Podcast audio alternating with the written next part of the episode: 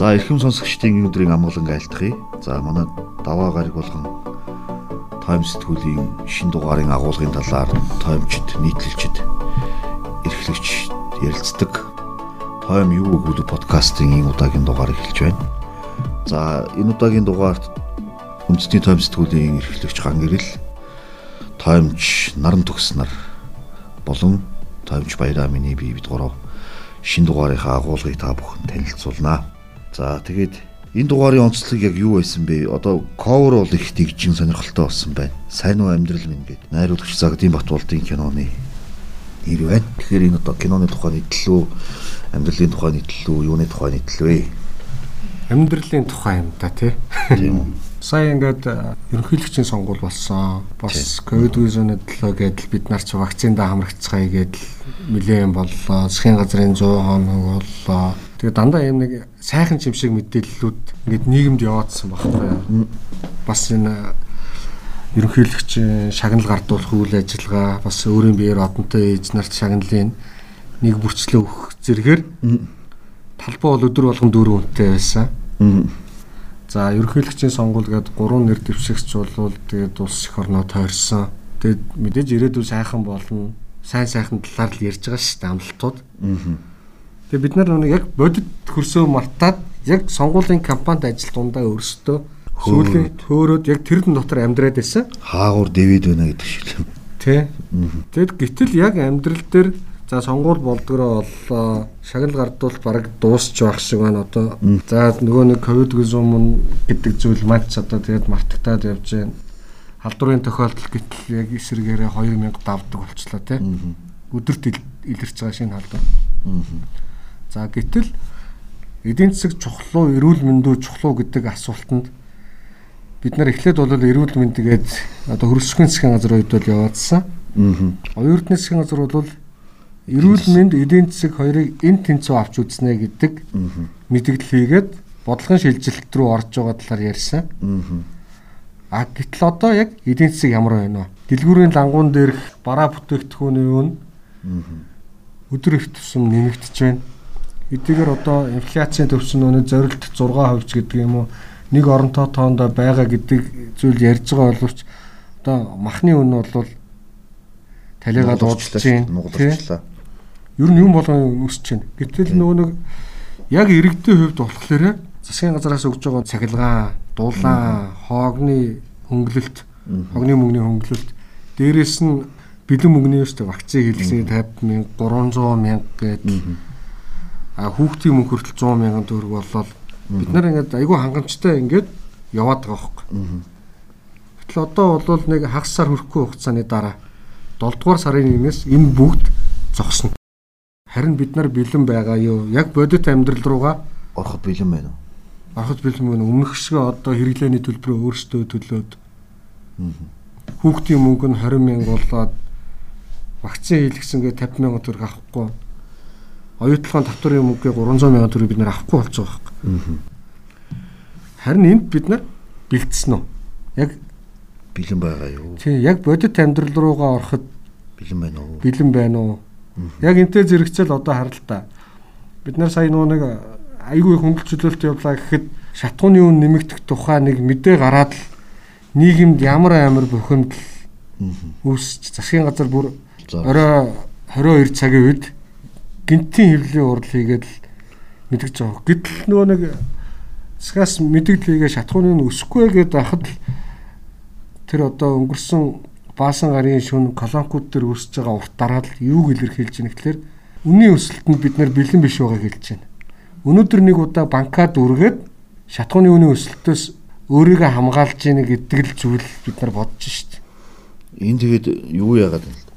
Дэлхийд даяараа ийм байгаа гэж манайх их сурталд чухал тагаад байна л да. Энэ дэлхийд даяараа ийм байгаа юм бол одоо ер нь энэ талаар ер нь хүндсэн юм болов. Ер нь нийтлэлээр гол хүндсэн санаа бол бид нэр түрүүн бангэрл шиллээ. Бид нэг деважинд байгаа юм шиг байдалтай байлаа л да. Яг нийт манай энэ хөдөлмөрч юм уу одоо энэ ажиллах хүчний хувьд бол тодорхой тэтгэмжүүдтэй хэрэглээнийхээ зардлуудыг тань хөнгөлүүлсэн ийм байдалтай ингээ юу Гэтэл одоо бодит амьдрал дээр бид нэр Деважингаас бууж ирж байгаа юм шиг л тэгээ хуучин амьдрал гэхээс илүү доошоо унсан байдалтай бид нар орох нөхцөл байдал руу хөндөж байгаа. Тэгээ өнгөрсөн жилийн тэр статистик тоо хүн амын орон сууцны тооллогыг юмнаас харж яхад манай улсын ажил олгодог хүмүүсийн тоо цөөрцөн байгууллага аж ахуйн нэгжүүдийн ажиллах хүчнийхэн тоо бол хэвээрээ байгаа байдаг. Ажиллаж байгаа хүмүүсийн ажиллагчдын тоо хэвээрээ байгаа байдаг. Гэтэл нөгөө шинээр ажилд авч идэг, ажлыг бүтээл хийж идэг хүмүүс маань цөөрцөн хувийн хвшил. Тэгэхээр энэ яг бодит байдал тэр нүр тулаад ирэхлээр ямар хэцүү сорилтууд биднийг хүлээж өгнө гэж манай шийлэгдэх хүмүүс маань бичсэн байна тий. Тэгээ энэ дэр бас энийг бичих бас нэг үндэслэл нь болохоор сангийн сайдын мэдээлэл байгаа шүү дээ. Сангийн сайд бол ингээ халамж зогсноо 7 сарын 1-ээс бүх үзүүл зогсноо гэдгийг бол угум яг камерын өмнө баримт тавим өөр хэлчихсэн. Яг тэгэл шатхууны үнийн өсөлт. Тэгэл энэ нийгэмд бол энэ айгүй хүнд мессеж болж очиод оройн тэгээд залруулах гэдэг юм уу баллуурдах гэдэг юм уу тайвшруулах юм да. Тийм тайвшруулах гэдэг юм уу мэдээлэл хийж байгаа. Тэгээд 7 сарын 1-ээс цаашаа энэ халамжийн бодлогууд хөнгөлөлт чөлөөлтийн бодлого цаашаа өргөжлөх хэсгийг одоо тэгээд үндэсний аюулгүй байдлын зөвлөлөөр шинэ ерөнхийлөгч ангараг өргөсөн өдөр хилцэхээр товтой. Тэгээ одоо биднэрт байгаа сүүлийн мэдээлэл энэ л байна л да. Тэгээ үндэсний аюулгүй байдлын зөвлөл гэдэг э, том бүтцээр саяхан бас ярьлаа шүү дээ. Яг ийм хуулийн арга башир ашиглаад одоо Назарбаев жишээлбэл өөрийнхөө дарангуулыг авч үлдсэн тийм ээ. Тэгин шиг ийм бүтцээс ороод байна. Гэхдээ энэ одоо улс төрсэн ийм маргаанаа орхиод яг үнэндээ нүүр тулъя гэхээр үнэн гэдэг чинь өөрөө тийм Монголын үнэн сонин гэдэг шиг юм биш байгаа байхгүй. Үнэн гэдэг яг үнэндээ нүүр тулахаар үнэн хизээд нэг тийм сэтгэл татмар зүйл байдаггүй. Угаасаа ердийн амьдралд ч үнэн тийм сайхан зүйл биш. Тэгэхээр одоо биднээс яхахгүй том сорилт. Миний бодлоор бол баг юу гэж бодод байна л та. 1990 оны нөгөө картын барааны балардгийн яг л аман дээр л очичлаа гэж бодоод байна. Гэтэл яг мэдээж хэрэг энэс хамгийн шархалх нь бол жирийн иргэдээс өмнө баялаг бүтээж байгаа тийм бизнесмэнүүд эхлээд шархална. Тэгээд л нурах юу яах вэ гэдэг юм тийм. Яг хямрал нь яг арай зөөлөн буухал байх ш найдий те. Тэгээ үнний үнний нудраг арай бага байгаас. Алцс гэдэг юм уу түүхий үдний маань үн жоохон гэхүү байгаад л одоо баярлая да. баярлаа. Тий. Тэгэхээр зэсийн үн унах хандлагатай болчихлоо л да бас. Тэгээд за за тийм ээ энэ ажлыг ингээ орхи одоо шийлэг төмрийн бичсэн нийтлэлийг та бүхэн манай захиалагчд бол юунаас уншиж болно. Сэтгүүлээс уншин захиалагч биш хүмүүс одоо манай сайтаас унших боломжтой. За тийм байна. За дараагийн нийтлэл 30 жилийн дараа гэдэг нийтлэл. Энэ сэтгүүл дээр бол хоёр арчсан намын нийтлэл болсон тий. 30 жилийн дараа гэдгийг одоо би өөрөө бичсэн. Энэ дээр болохоор энгийн нэг хідэн логикийг л хөндөхийн хүссэн юм л да. Зарчилсан хувьсгал өрнөд бол 30 яг яг 30 жил боллоо. Одоо 91 оны 90 оны хувьсгал ингээд одоо 30 дахь жилийнхээ нүрийг үзэж байна. Тэгээд биднес арчлал арчилсан нам яг арчлал мөн үү гэх мэт юм сонь сони асуултуудыг асуухаас өмнө яг үнийг хэлэхэд бол арчлал бол арчилсан нам мөн гэж баг нэг утгаар нь хэлмээр байгаа юм л да. Ягаад гэвэл манай энэ арчлалын 30 жилийн турш олон намын тогтолцоонд яг арчлалын үзэл бодлыг хэлбэрлэлтгүй дагаж ирсэн ганц нам байдаг арчилсан нам. Тэгэхээр энэ арчилсан нам маань юу вэ гэдгийг одоо энэ залуучууд ч юм уу ойлгомоор байгаа юм. Арчилсан нам гэхээр одоо элбэгдорч ч юм уу батүүл ч юм уу хийсэн хүмүүс байдаг те. Офис гэж ойлгож болохооргүй болчихдог. Тинжид үзэл санааны анхны нэгдэл байсан. 1990 онд одоо Монголын Монголын арчилсан холбоо гэд байгуулга байгуулагдаад тэр дараа нь дараа жил нь болсон сонгуулиар ард түмний 30 гаруй хувийн саналыг авсан байдаг. Өөрөөр хэлбэл эрх баригчдаас 20 гаруй хувь үшээ нэг 30 гаруй хувь яасан. Одоо тэр тэр хүч бол арчилсан намын гол бүрдүүлбэр мөх мөхлөг юм байгаа юм л та. Энэ хүчин дээр тулгуурлаж хоёр удаа том нэгдэл болсон 1992 онд дөрвөн нам нэгдээ том нэгдэл дараа нь яг үндсэндээ хоёр нам нэгдсэн хоёр хоёр хүн дагсан нэг тамганы гурван намтай нэгдээд 2000 онд нэгдсэн энэ нэгдлийн голд нь бол Монголын арчилсан нам гэдэг анх одоо Батүл дарахтай байгуулагдсан зориг элбэгдорж гэх мэт лидертэй тэр лам нам байсан. За тэр нам маань юу юу байсан бэ гэхээр баруун төвийн үзэл баримтлалтай эдийн засгийг либералчлах тууштай байр суурьтай говьшгүй тийм үзэлтэй нам байсан. А замдаа болохоор маш одоо олон янзын үзэл бодолтой хүмүүсийг нэгтгсэн байна л хамгийн сүүл зүүнний үзэл баримтлалтай нам нэгтгэхэд ингээд. Тэгээ энэ нам хичнээн одоо уруудаж дордлоо ч гэсэн тий тэр анхны тэр баруун төвийн үзэл баримтлал нь өөрөө Монголын уран улс төрд одоо юу өсгсөн гол тулгуур болж явсан юм аа уг нь бол. Тэгээ одоо яах вэ гэхээр 2000 оноос хойших одоо энэ ямар ч үзэл баримтлалгүй хүмүүсийн нэгдэл нь одоо нэрийн хуудасны хямрал гэж одоо социологч мөнх төр дүгнээд байгаа юм. А өөр соц мөн их сургууль багшилдаг социологч мөнх бод болохоор энэ нэрийн хуудасны хямраланд даамжир бол дарангуйллын юу болноо бүтц болно. Өөрөөр хэлбэл арчилсан нам унснаар дарангуйлж шууд нээлттэй дарангуйлын бүтцэд шууд нээлттэй зам тавьж өгнө гэж дүгнсэн байна л да яг сонгуулийн дараа. Өөрөөр хэлбэл дарангуйл гэдэг бол нэг хүний нэрэн дээр явдаг гэсэн цаана систем үйлчилж идэг.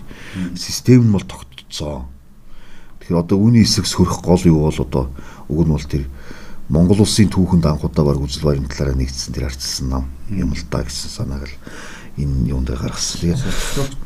Тэр баяраач гэсэн бас нэг юм их тодтогод энэ нийтлэл дээр хаас мэсэн. Бурхны шишин жишээ нэг чинь манайханд одоо хамгийн ойрын жишээ авахд тийм их алдагдж байгаа. Одоо л нэг юм учир начраа олох гол үдчих шиг байна. Сэргснээс хойш тэрнтэй адилхан бурхны шишин ер нь аливаа цаг үеүүдэд гажуудаж үзэл санаанаасаа хазаах үед реформ болдог. Тэр реформд одоо Богцонхова гэж нэг том реформ хийсэн төлөв гэхэд чинь бурхан багш юу гэж хэлсэн бэ гэдэг эргэж цаг дээр л очдөг юм байна. Эхлэл дээр. Эхлэл дээр очдөг. Тэгээд тэндээс асуудалгаа шийдэж явдаг, номлолоо сэргээж явдаг. Тэрэн шиг одоо арчилсан нам бол сэргий гэвэл үзэл санаан дээр эргэж очих хэрэгтэй болж таарч шүү дээ. Тэр үзэл санаа нь бол социал демократ намын үзэл санаа биш. Бүр Моо аан анх байгуулагч хийсэн 90 оны 91 оны 2 дугаар сард байгуулагч хийсэн. Дараа нь 2 сарын дараа Батүлийг дараагаараа томилж исэн. Тэр үзэл санаа нэр очихмаар. Мүднүүд яаж либерал үндэсний дэвшлийн намын эдийн засагчд ямар либерал санаад нэг номлодог байсан. Тэр тэрнээсээ болж моонто нэгдсэн анх те. Тэр үзэл санаагаа бүгд эргэж санах хэрэгтэй болчихдог. Тэхийн тулд зарим хүний залуу насыг сэргээх биш. Нэгэн төрөлцсөн улсуудыг орхиод яг тэр үзэл санаан дээр нэрэ залуу тарих очих очих ёстой юм болов те. гэсэн иймэрхүү гаргалгаа. Ер нь ачсан нам байхыг хүсвэл үзэл санаан дээр очихоос өөр нөхцөлгүй. Ягаад гэвэл үдэн санаанаас туушгсан учраас арчилсан намыг ард ард түмэнд дэмжихгүй шүү дээ. Гурван сонгуулиар хангалттай сайхан харууллаа. Суугал дээр дээр нь хий суух суухгүй чам хамаагүй шүү дээ. Ерөөс үдэн санаагүй болсон учраас хүмүүс дэмжихээ барьсан гэдэг санаа л. Сая тэгээд одоо хардталтаа боддоо.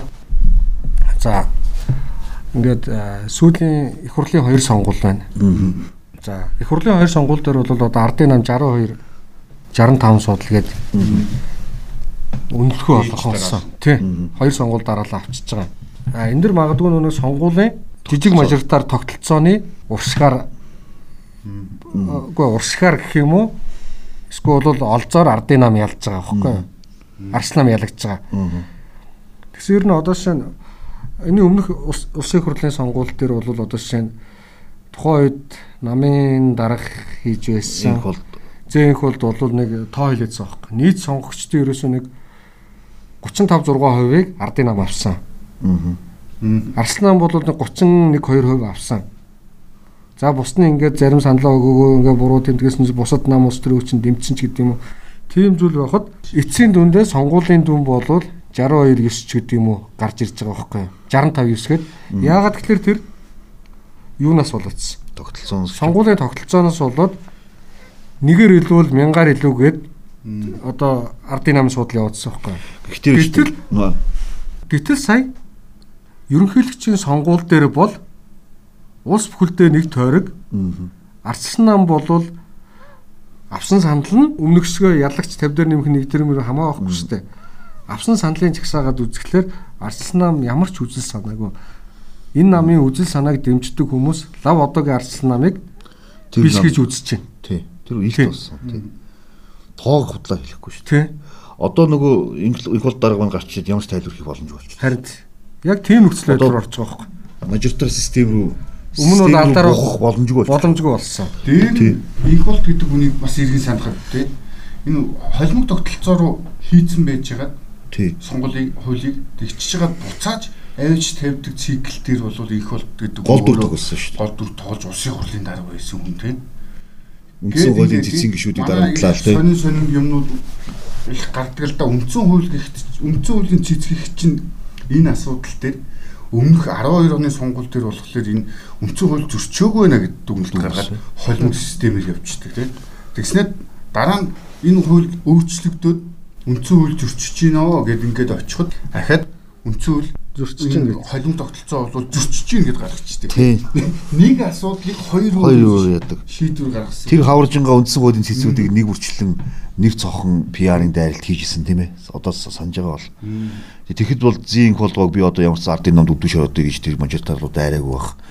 Үзэл санаатай нам хэвээр байгаа яг мөхөлгөөрөө барагч илүү гарч чинь хийсэн ажлаараа бид нар авчна гэж тооцоолоод өөрсдөд нь савлгаа эргээр нөлөөлнөж тооцоолоод мажитар системийг тэгж зүтгүүлсэн байх гэж бодсон байна. Харамсалтай нь үзэл санаас нь савлдсан холдсон болохоор арт түмэн жижигхэн 5% нөгөө талд нөхтөл бүх юм ялагчд бүхний гарт гэдэг мажитар системийн дүрмээр яваад өгсөн. Тэгээд инкол даргын математик арчилсан нам дээр л хэрэгжихэрэг болсон гэдэг нь ойлгомжтой болчихжээ.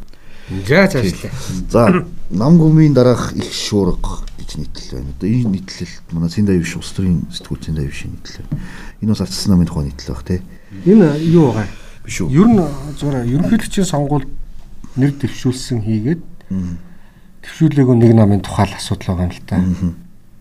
За хуулиараа бол парламент суудалтай улс төрийн хүчин ерөнхийлөгчийн сонгуульд нэр дэвшүүлдэг эрхтэй. Энэ эрхийг ашигл- ашиглахаас татгалцсан. Тэгээд парламент байсан ганц суудал нь одоо арслан нам руу ороод дууссан. Монгол ардын хувьсгалт нам байна.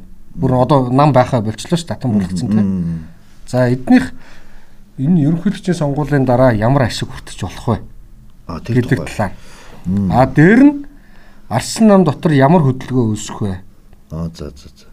За хүн нам гэдэг байгаа шүү дээ зөвхөн электрод төсвөл хүн нам.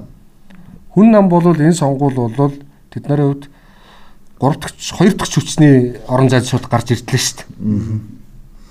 Саяын сонгуулийн дүнгээр харахад аа нөгөө нэг цагаан сонголттой өрсөлдөж байгаа ардсан намын бол бүр баларцсан байна. Асуудлаа шийдэхгүй бол болохгүй нэ гэдэг зүйл.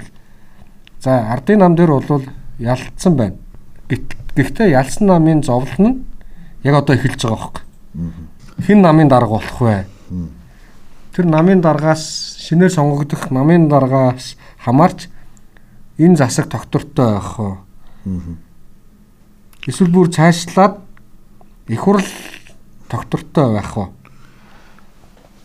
Гэл янз бүрийн асуултууд гарч ирнэ. Жишээ нь ингээл төрийн албан дээрс одоо халаалцлагын хөдөлгөөн бол үүсэн шүү дээ. Монгол Улсын ерөнхийлөгчийн хамгийн газар ерөнхийлөгчийн институт бол бүгдээ өөрчлөгдөнө. Тэгнь. За энд нэг дагаад одоо нь засгийн газар дээр ерөнхий сайдад зөвлөх хийж байгаа зарим хүмүүсийн нэрс Өөрчлөлт. өөрчлөгдөнө. Гэх мэт хөдөлгөөнүүд гарнаа гэдэг ямар ч сан энэ улс төрийн хүчнүүд дээр бүгдэн дээр нь хөдөлгөөн гарах нэ. Гэхдээ яаж тусах вэ? Тэр тухай бичсэн байна Тий. тийм. За цаашаа. За цагаачтын ус нийтлэл гэж байна. За манай наран төгс томч өөр их бичсэн нийтлэл. Ямар асуудал хүндсэн бэ? энэ монголчууд их нутагтаа ер нь сайхан амьдрах боломж хомс болчлоо. Шударгаар ялангуяа хөдөлмөрлөх боломжууд өдөр ирэх тусам хумигдэж байна. Гэтэл энэ асуудлыг хамгийн түрүүнд анхаарах ёстой. Төр зэсэг маань юу хийгээд байна вэ? Тэ? Төр зэсгийн одоо хийж байгаа үйлдэлүүдийг хараад тах дээр эсрэгээр энийг дэмжиж чадж байгаа юм шиг визний хөнгөлөлтийн асуудлыг манай өдөртөгч нар хамгийн түрүүнд тавьдаг альва улсын элчин сайдуудтай болоод өндөр дэд хэмжээний хүмүүстэй уулзахтаа тийм манайх визний хөнгөлөлт үзүүлээч ийм юм боломжоор хангаач.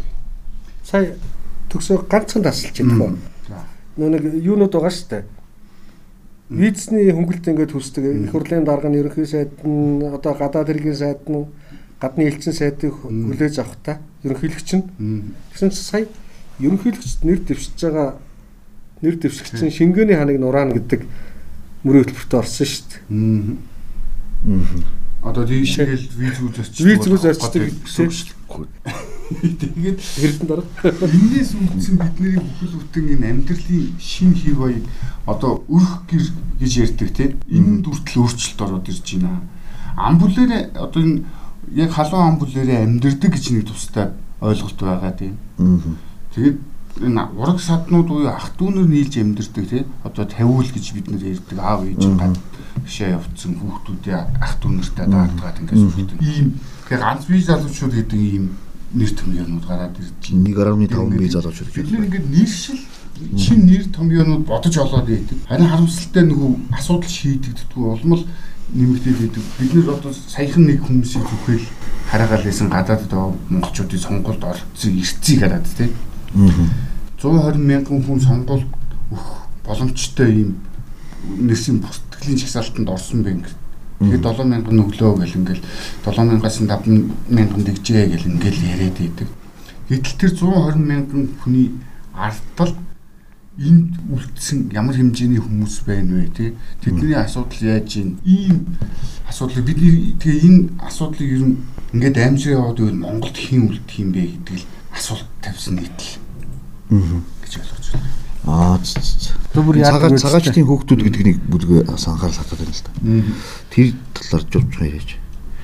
Цагаачдын хүүхдүүд. Цагаачдын хүүхдүүд гэдэг одоо нөгөө түрүүн зогс хилээд өнгөрсөн тавиулууд гэж яриад байгаа тийм эмээ өвгүүдээр үлдсэн ч юм уу дүүнэртэн даатгаад ингээ үлдсэн энэ хүүхдүүдтэй ангийн нар яриад нэг анги гэхэд дунд сургууль зүгээр дундаж ерөнхий боловсролын сургуулийн нэг анги гэхэд л багаас дөрөв тийм хүүхд байна. Эцэг их гадаад эцэг их гадаад. Тэр хүүхдүүд бол хангалттай мөнгө сургалтын төлбөрч байт юм уу идэж энэ эд баялагын зүйл дээр дутам байхгүй. Гэтэл тэр чи ээж автагаа байхгүй байгаа хүмүүжж байгаа утасны цаанаас ээж аавыгаа хараад байж байгаа хүүхдүүд чинь сэтгэл зүйн хувьд тэгээд өсөлтөх чадрын хувьд ч гэдэм үү маш ирэмдэг ийм сэтгэл зүйтэй бий болж идэм. Тэгээ ийм хүүхдүүд одоо өөрийгөө илэрхийлэх чад таарав бүрэг юм хий. Дээр нь сэтгэл санааны дарамт нь бус хүүхдүүдэд нөгөө гадуурхалд өртөх магадлалууд маш өндөр байна. Ийм судалгаанууд гараад ингээд ажиглалтууд багш нар яриад байгаа. Тэгээд бид нэр болохоор нөгөө манайх чинь нэргсэн хойно хашир өгчээр сүулт нь юм хийдэг. Тэгээ энэ тал дээр уг нь бол хамгийн түрүүнд боловсролын яамнаас судалгаа яваад энэ юу анхаарч явах ёстой байтал одоо боловсролын яамны хэмжээнд бол энэ асуудал орхигдсон байх шин. Дээр нь одоо манай улс төрчнөр энэ одоо ялагдсан намыг ялангуяа улсын хурлын сонгуулийн дараа ажигладаг зэглэлтэй бүх шатнд л энэ гадагшаага дөрвж байгаа цаашилж байгаа асуудал байна байгаад байгаа юм л да. Ус төрчний хувьд болохоор ялагдхлаарэ гадагшаагаараа явчихдаг. Сурч ийн гэдэг сайхан нэртэй өгдөг тий. Тэгэл очиод би жинжигаар нэг CV-гээ нэмэл ингээд буцаж ирээд намны ялах юм бол дараа орхон дараа болчтой. Тий. Тэгэл ингээд энэ улсыг ер нь эзэн байна уу гэсэн үзгөөс л. Тийм л. Тэгээд буцаач нөгөө нэг хүмүүсээ одоо ингээд бодож байгаа хөөх солонгост ажиллаж байгаад ирсэн хүн яг амьдрал арт ажил байхгүй байна. Аятайхан юм байхгүй. Ер нь буцаад яаж явах вэ? Одоо жишээ нь солонгост хөдөлмөрийн гэрээгээр очиж ажиллаад тэгээ үргэлжлүүлээ тэндээ харалцсан. Тэгээд одоо Монголдо буцаад төрөөд гэсэн сайн өвчин ковид мовид гэврээд гэсэн. Одоо тэрэндээ харамсаа суугаад байгаа байхгүй. Тэгснээ фэйсбુક дээр шеэрлж байгаа юм нь шүү дээ. Солонгос солонгосоос сайн дураараа харалсан хэрнээ сайн дураараа бутсан хүмүүст тэр нэг тодорхойлт гэж нэг бичиг өгдөг юм шиг байна л та. Тэр бичгээ хайж болохгүй шүү. Тэр бичгтэй байх юм бол буцаж болох. Тийм английн виз гарах боломжтой байна тэр гэсэн. Ерөөсөө л гэж буцаад явъя гэдэг байхгүй. Манай энэ хамгийн үнэт зүйлс болсон одоо энэ тэрнтэй холбоотойгоор ирээдүй болсон мөр хүүхдүүдээ гэр бүлийн асуудал энд маш хүн дээр нэрвэгдэж байгаа юм байна сарлт юм дагсан сарлтууд их гарч тэ. Гэр бүлүүд энд үлдсэн цаана үлдсэн хоёр гээд ингээл тэнцээ очиод энэ чинээс явчихад тэнд очиод гэр бүл болох тохиолдлууд байна тэ. Гэр бүлээсээ салцгаагаад тэ. Тэр хоёр хүн нийлж ийн гэдэг чинь энд хоёр хүн бас салж ийн л гэсэн үг. Гээд тэгээ одоо дээр нь энэ асуудлыг дагаад нөгөө хуучин бол өрх толгоос нь ихчүүд гэдэг ойлголтууд байсан бол аавууд гэдэг ойлголтууд бас шинээр том юу гарч ирж байгаа жишээ За энэ бол бас ужиг асуудал байна. Тэ. Ерөнхийдөө манай Монголын газар нутаг бол нэг тийм юу гэх юм бэ нэг орхигдсон мэдрэмжтэй тийм хүмүүсийн л орхигдсон мэдрэмж юунаас бий болдог вэ гэхээр Тэгш ус байдлаас. Түр ингээд задлаад байхлаар юунаас хүртэл болж байгаа үстэй. Хөдөө байгаа хүмүүс нь хот руу ирээл хоттойгоо нь солонгос явал Тэгш ус байдал. Хүлэг хөдөө эзгүүрээд Аймгаасаа гараад аймгаа би саналаа. Юунаасаа гараад юугаа би саналаа гэж. Энэ дээр нэг А эх орноосоо гараад тэр би эх орноос сансангүй. тэр гадаадд байгаа амьдарч байгаа монголчуудын бөөгийг нь гаргасан байгаа айл нутагт байна. Тэр онц суцны талбар тэгэхэд 75 орчим хувь нь нийслэлээс явсан хүмүүс байдаг. Нийслэлд амьдарч ирсэн. Нийслэл. Ааха. Ааха. Үлдсэн нэг 20 хэдэн нь болохоор орон нутгаас тийм. Ааха. Орон нутаг аймагудаас. Тэндээ болохоор дархан Тийм. эрдэнэт толгой зөгтг юм байна. Тийм. Тэгэхээр- ингээл хотууд суурс Суурьслын бүсдээс эдэн гадагшаа яваал Тий. тийм. нөгөө хэд нь хот руу ир сууршаал тэгээд чинь бид манай одоо энэ орон нутгийн хөдөөгийнх маань болохоор амьдрал бараадаж ажил нөгөө дид үтс бараадаж хот руу орж ирээд байгаа шүү дээ. Гэвч чи энэ чи чинь амьдрах Боломжгүй байхгүй. Бас хүмүүс явчаад тийм. Энэ сонирхолтой одоо тэр 120 мянган хүн байна гэ гадаад гарцсан хүн байна. Ямар ачаагүй л гадаад гарцсан байв ч бас овоо. Ч нэг штрамп даруулахдаа нэг халоо гэлждэг.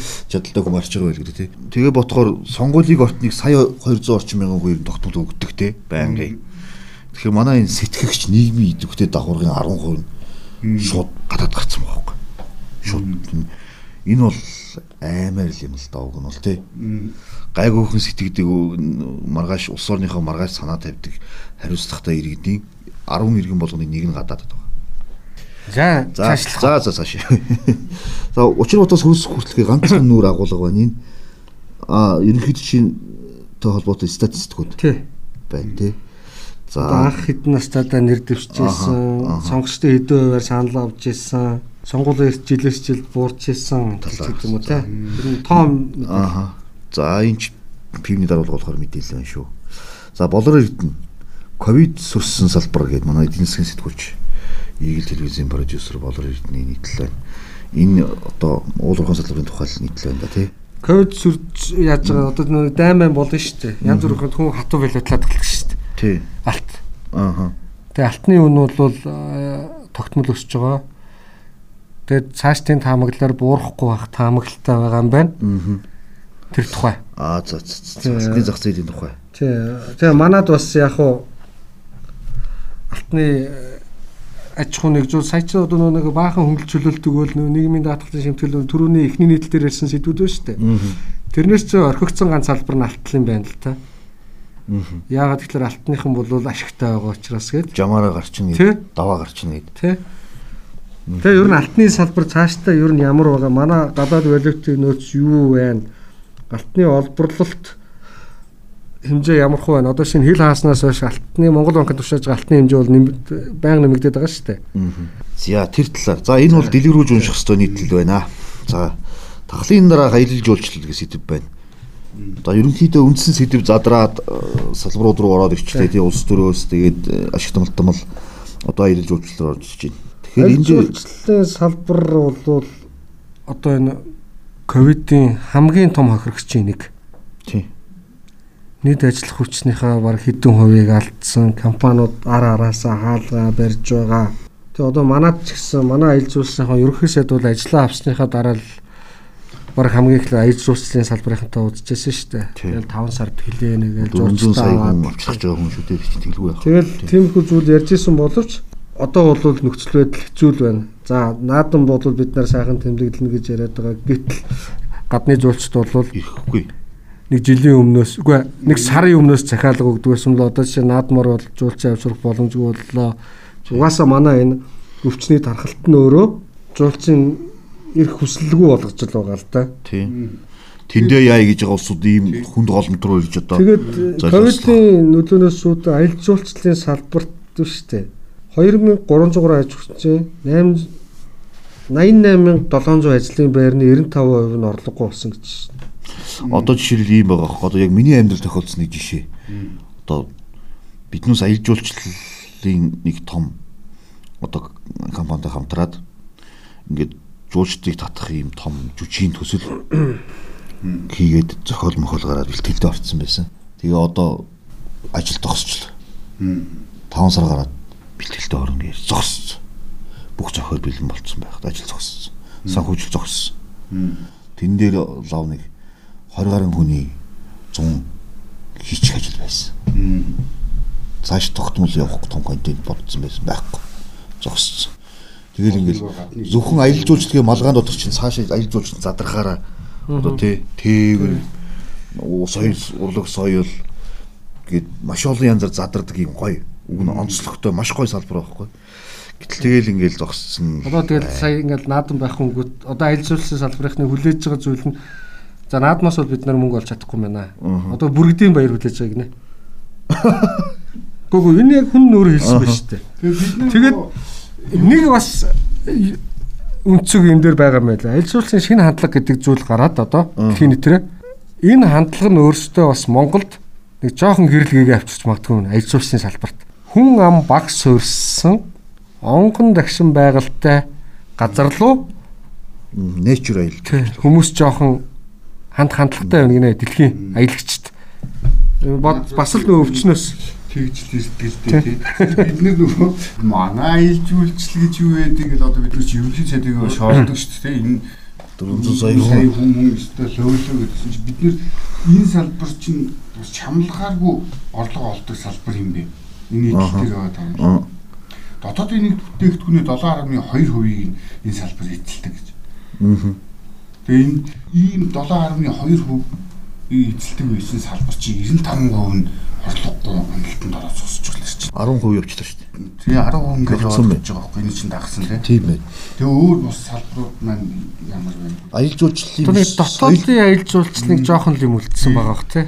Гадагшаа дотоодын аялал жуулч гэхлээр бас нөгөө PCR гэдэг нэг зовлонтой юм байна. Нэгдүгээр хоёрдугаарт манай дотоодын аялал жуулчлал чинь майхантай ил нойлтол аялж үуч шүү дээ. Хөсгөл нуурын арталт алгалан байдаг нойлын цаас шүү дээ.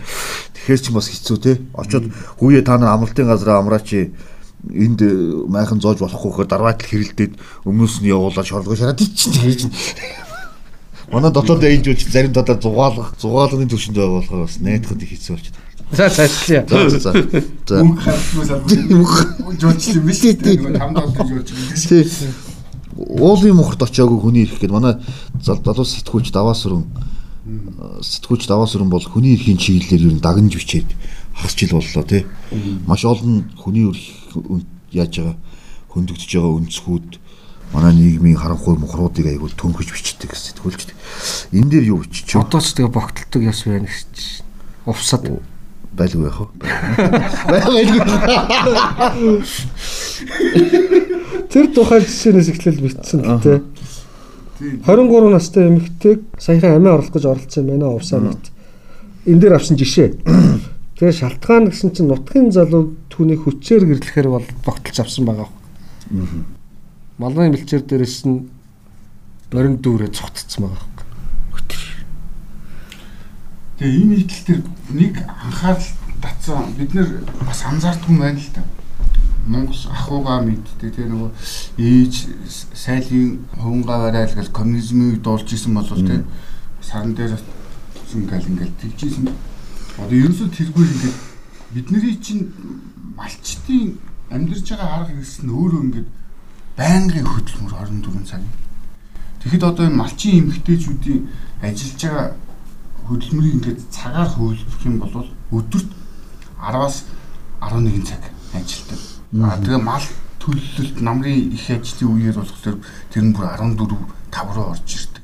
Байнгын ингээд жилийн 365 хоногийн турш ийм хөдөлмөр эрхэлж байгаа. Энэ нь өөрөө нөгөө боолын хөдөлмөр эрхлэлтийн хэмжээнд тийш хангалтж байна тий. Тэгэхэд ийшээгээ ерөөсөө анхаарал ханддаг амтан байхгүй тэр нутгийнхныхаа л сансан мотсноор нь тий сайн муу гэснээр нь асуудал шийдэг шийдэг.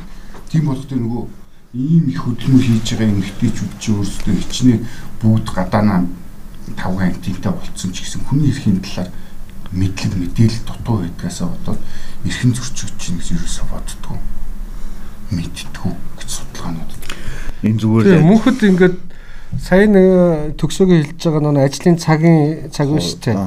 Тэр нь болохоор өдөр болгон нэг амралт байхгүй шүү дээ. Одоо хагас сүтэнсэнд амарна гэдэг зүйл байхгүй. Тэгээд тэр хүн нэг цаг эзгүй байхад тэр айлын амжиргаа нөгөө нэг хөдөлмөрлөх юм байхгүй болчдөг.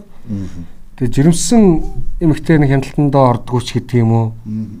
За тэр эрүүл мэндийн үйлчлэгээ, үйлчлэгээ одоо авах ёстой зүйлс мүс гэдэг зүйл бол байхгүй болчиход байгаа. Угаасаа тэр эхний тгсэн эндэгдэлтэй шсэн хөдөөгийн эмэгтэйчүүд байгаа шүү Тэгээ энийг харин тэгээд намрын асуудал гэгт чи одоо жишээ нь нөгөө зунжинга хураасан цагаан эдээ юм а боловсруулж тэ өвөл болгох яг мэдийг зарж болуулахын тулд тэр бүгд нөгөө тосоо шахна тэ харуулаа ингээл бүх юма хийдэг ийм л цаг юм бил. Тий. Гэхдээ тэгэл 100 одоо очихоор ингээд нэг сэтгэл өвдмөр юм байд юм аа. Одоо ингээд бодохоор 100 биднес нэг амрах гээл нэг хамаатныхаад очиж шүү дээ. Тэгэл тэр хүмүүс ч гэсэн амарч байгаа гэсэн мэдрэмж бидэнд байгаа шүү дээ. Тэгэл тэр хүмүүс ажиллаж идэх байхгүй. Яг яг ажиллаж идэх байхгүй. Амрах гэж ирсэн яах гэсэн яах гэсэн юм тий, дотоод тий, тий, тий. хэрэггүй хэрэггүй гэл ингээд. Тий, тий. Тэгэхээр энд нэг соёлын амар тийм тэгш бус те. Ийм яг сайн бодох юм бол амар сэтгэл өвдмөр юм ялгаа харагддаг шүү. Яа. зай цаашл. За дараагийн нийтлэл Вацлав Клаус сийн тухай манай Игэн телевизийн олон улсын томч Ганбаярын Вацлав Клаусын үзэл бодлоор бичсэн нийтлэл байгаа бол л тоо. За энэ хүний номыг бол Вацлав Клаус гол бүгдээрээ мэдж байгаа бах те. Юу. Чехийн э, ерөнхий сайд байсан. Ерөнхийлөгчөөр ажиллаж исэн Чехийн нэлээд радикал. Түүний манад яасан номын нэр нь юу вэ? манай нөгөө үндэсний томсдгүүд өнгөрсөн оны онцлог номуудыг нэрлэхэд орчуулгын non fiction төрөлд одоо Вацлав Клаусын зөвхөн супермаркет хүсээгүй юмсан гэд ном гарсан. За тэр би тэр номыг унсны үед нэг санаагаа хэлчихв. Тэр тэр нийтлэл дээр бол коммунист вирусаас өөрсдийгөө хамгаалцгаая гэд нийтлэлийн гарчнаас бол харагдаж байна. Ганбаяр таймжуулын нэг агуулгын таймлцсан байгаа нь ойлгомжтой. Асуудлын гол нь Вацлав Клаус тэр нэмгэхээ ном байдаг хөөхгүй нэг. За манахаар бол их гол голчгоор манай том дарга ийм хүн имжлээ гэж үгж бодмоор нэг тийм нэмэх ном байдгийг. Гэтэ тэр айхтар санаатай бүр ингэж параграф доголмөр болгоно арчлалын сорилтууд одоо тий юунууд популизм яаж бойждг жишээл Вацлав Хавел Вацлав Клаус хоёр юун дээр зөрчилдсөн тий Вацлав Клаус бол санхүүгийн одоо либерализм тий аливах популизмоос хамгаалж үндэсний бүтээмжийг нэмэгдүүлэх талд бат зогссон. Гэтэл Ва- Вацлав Хавел яаж замаасаа далийсэн гэх мэтийн тий ардчлагчдын дундах ардчилсан бус тэмүүлэл одоо яг тэр түрүүчийн 30 жилийн өмнөх Чехийн тэр юмыг ингээд ингээд бүх эдийн засгаа дэлхийн ертөнцид нээгээд өгсөн чинь юу болж хувирсан те гэх мэтийн айгүй зөв дүгнэлтүүд байдаг л да. Энэ дээр бол э, би эхний юуг нь уншиж параграфыг тэрээр environmentalism, genderism, уур амьсгалын алармизм, утоп эгалитарианизм, европцентризм, ковидизм зэрэг нь коммунизмыг иргэн амьдруулах хилэн дорлоглого бөгөөд бидний эрх чөлөөг боомлж хувь хүн эрүүл ус үндэстэн хил соёл уламжлалт үндэс зүйлсэд маань халдах хортой гэдгийг санаад хэлж байна те. Энэ л баг тодорхой үст эндээс. Энэ Аа. дугаар дээр нэг хоёр сонирхолтой нийтлэл болсон байгаа. Нэг нь энэ нийтлэл. Нөгөөх нь болохоор нөгөө манай их чим чинь шашны цаадах хүн гэдэг. Хоёулаа нэг юм ийг л хөндөд байгаа энэ хоёр нийтлэл дээр. Бидний энэ энэ шашны цаадах хүн бол ихтерхий бидний хүн төрлөختөн чинь минималист болно гэд нөгөө ангийн үснээс татгалзъя тий одоо эко бүтээгдэхүүн хэрэгэлдэг болъё утас хэрэглээ юм юмдаа эко бэй гэдэг химик бүтээгдэхүүн үйлдвэрлээд байдаг химийн гаралтай бол хувцсандаа хүртэл маш түлхүү ашигладаг болсон. Гэтэл энэний чинь ард талд нь маш өндөр өртөгтэй, зардалтай тий ийм юмнууд яваад байна. Эко гэдэг юм чинь. Харин ч эсэргээрээ нөгөө байгальд очруулах хор хүршиг нь ангийн арьс те юм бидний уламжилт хэрэглээ чинь илүү байна. Дээр нь хүн төрлөختөн хувцс гэж зүгээр өнөөдөр бол бид нэр хуучин бол нэг өмс хувцтай бол болоо гэдэг байсан шиг ойлголт байхгүй болцсон. Нэг 2 сар өмсөд уудаад шинэ хувцас авдаг гэхчлэн энэ хүн төрлөختний энэ бүх энэ үйл ажиллагаа чинь тэр болгондоо дандаа гоё нөгөө экологийн сүрлийн эсрэг те аантны хамгааллын энэ зэрлэг балгаж явдлыг зогсоо уур амьсгалын өөрчлөлтийн эсрэг тэмцэе гихчлэн энэ үрээ юм лоозон дэвшүүлж ярьж хагаад дандаа эсрэг нь бизнесийн үйл ажиллагаа явуулж байгаа олон нийтийг ухамсартайгаар ашиглаж юм гэдэг энэ хоёр нийтлэл байгаа. Мм. Синтетикийн чинь өртөг натурал бүтээгдэхүүнийхээ өртгийг авчлаа. Аа. Тэ технологийн тий. Энэ санаа шүү дээ. Тэгээ хэд түргэн загвар гэж сая наран төгсөө хэлдэг. Хэд түргэн загвар гинэ. Одоо эрэгтэй хүмүүс бол харьцангуй гайгүй баг. Одоо нөгөө шофинг хийхдээ нөгөө эрэгтэй эмэгтэй хүний ялгаагаад байдаг шүү дээ. Бид нар нэг 30 минутанд шүрт гээд авах юмнууд аваа гардаг бол эмэгтэй хүн 3 цаг хөвжиж гарч ирдэг гэдэг. философийн том асуудал байгаа юм л та цаана. За за за. За цаашлаа. Дэлхий дээр хамгийн аюултай мод гэж их сонир нийтлэх шиг байна. Энэ юун тухай нийтлээ. Бат сайхны харахад нэг алюминий мод шиг мод байдаг юм л да. Би бол одоо наад модыг чи нөгөө бүр энгийнээр хэлэх юм бол үнсгэлжин баха. Тэгээд олон одоо үнсгэлжин. Үнсгэлжинд өчтдөг алюминийг л Үсгэлцэн биш ээ. хэлээд байгаа. Цасангоо. цасангоо Засангоод өгдөг нөгөө алим нэг яг тийм л алим байт юм. Гэхдээ тэр маш их шүрт. Гэтэ нэг хинч үнсээд ханхуу манхуу үнсэн ч босч ирэхгүй. Босч ирэхээргүй болох юм байна. Үнэн чи бодолч гэдэг шиг чи би гэж. А энэ тийм айхтар аюултай хүчлэг мод гэсэн үг үү те? Чи амар ихсэн баг сүүдэрт нь байхад хортчихдаг юм байна. Амар мод гэж. За энийг сонирхолтой сонирхож юм сонирхдаг. Кариби орнууд дээр аялал гэж шүү. Бразилд За бат сайхны дараагийн нийтлэл их спортын зожоос гэж нийтлэл байна. Гурвыг үржих сагсан бөмбөгийн шгшээ баг яагаад олимпийн ирэх авч чадаагүй вэ? гэдэгт асуулт байна. Хариулт өгсөн байна. Ямар хариулт өгсөн байгаа вэ? спортын одоо хамгийн гол зүйл бол Европын авраг хэлээ явж штэ. Тий. Тэгээ Европын аргууд дээр анх удаа өмнө бол нэг улсад байт юм хоёр улсад ингээ болдог байсан шүү дээ. Хөл өмгөө.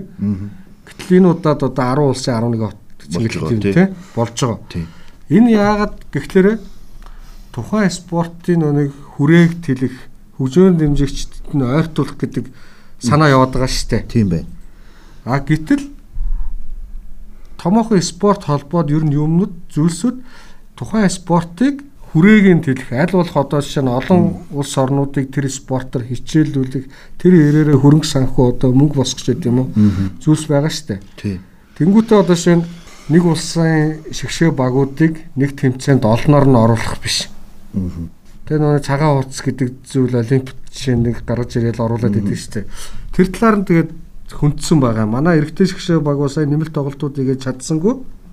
Жишээ нь Тэ спорт холбоодын дотоод ашиг сонирхол нь тэгээ олон улсад спорт холбоодын гадаад ашиг сонирхол гэдэг энэ хоёр өнцгөөс нь ер нь томоохон уралдаан тэмцээн цааталт юу болдог вэ? Мэдээж чинь мөнгөний л асуудал яригдэн шүү дээ.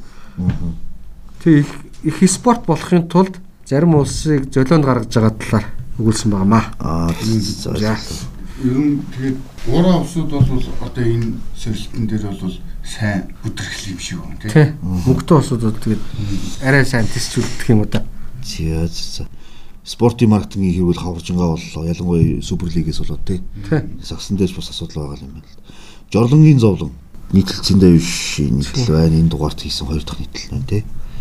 За энэ юун тухай материал байна. Зүгээр жорлонгийн л зовлон гэдэг. Хөрсний бохирдол. Хөрсний бохирдол одоо энэ Сэтгэл сэргийн өөдрөг юм байна уу энэ? Үер усны асуудал их болоод байна шүү дээ. Аа.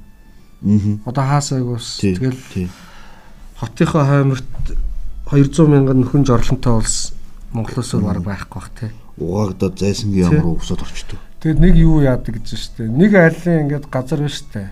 Одоо 0.7 үстэй. Хашааны газар.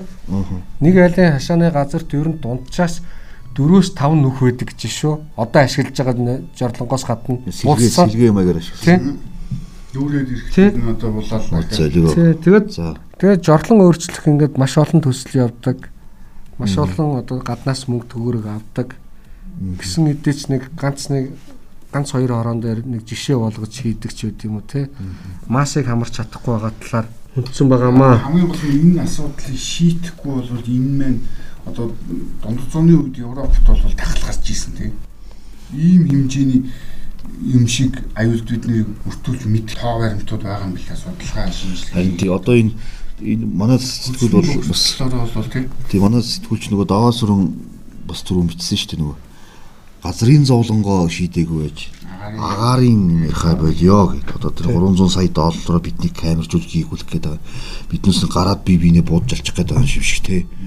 Мексикийн одоо хүнд хороол интерт хаймжуулах юм шиг манай нэм Баатар сайд хэлсэн хөргөө сонгон хайрхан дүүргийн нэлийн эмзэг дүүргээ сонгогдсон хүн боловч ч те. Хотыг бас тэгж арай л доромжлмооргоо санагцлаа. Тэгээд тэр бүхнээ яагаад одоо шил түрүү даваа сүрэн бол нийслэл хотын 20% нь борооны ус зариулах хоолойтой гэж хэлсэн шүү дээ. Яг тэр нийтлэл гаруугүй юу дараа дараа өдөр манад уртлын тансаг хороолууд бүгд одоо дээрээс усч гисэн баасандаа живлээ шүү дээ. Тэгэхээр чин асуудал дараагийн өнцгөр нь цэнд аюуш битсэн байна те. За төгсгөлд нь манай шог зураач Согтбаяр ахын шог зураг шог зураг тэгээ доор нь Оросын авангардизмын төлөөлөгч Харамсын холбоос гэдэг хөгжилтэй авангард өгүүлэлэг орсон матар болон яваад ингээд тайм сэтгүүлийн дугаар жаргажээ. Тэг өмнө нь бас нөө юунууд байгаа штэ. Манай дэлхийн болон Монголд өрссөн онцлог үйл явдлын зургуу зураг дуран булан тий онцлог энэ төр гэдэг түүх цаг хугацаанд авч үлдэх ёстой агшнуудыг бүгдийг нь тайм сэтгүүл 7 хоног болгон багтаахыг хичээдэг. За энэ бол цөөн сэтгүүлчийн бүрэлдэхүүнээр маш нэгт ажилласан дугаар болж би одоо бол жишээл харж байна. Би энэ дугаар дээр баг ажиллаагүй байсан шүү дээ. Тэгээд тэг санагдлаа маш нэгт маш олон асуудал хүндсэн ийм чанартай дугаар юм уу гэж би бодлоо. За ингээд болох уу? Та э, дугаар өдөртөгч бас юм ярих уу? Болсон уу те? Ажлыг үйж ихтэл манай баяр гэж нэг нийтлэлж өгч шүү дээ. За 400 тайм сэтгүүл 480 дахь дугаараа гаргаж байна. Энэ бол Монголд одоо рекорд тогтоох үз 7 хоног тутмын сэтгүүлд рекорд тогтоох үз тоо гэдгийг үргэлж би хэлэх дуртай. За тэгээд тайм сэтгүүлтэй хамт байдаг мэрэгэн уншигчдаа баярлалаа. Тайм сэтгүүлийг уншиж энэ мэрэгжлийн сэтгүүлчдийн материалуудтай танилцахыг хүссэн захиалагч таны өмнө манай үүд хараа өгж нээлттэй гэдгийг хэлээд энэ удаагийн подкастаа өндөрлөё. За баярлалаа оролцсон хоёр. Баярлалаа. За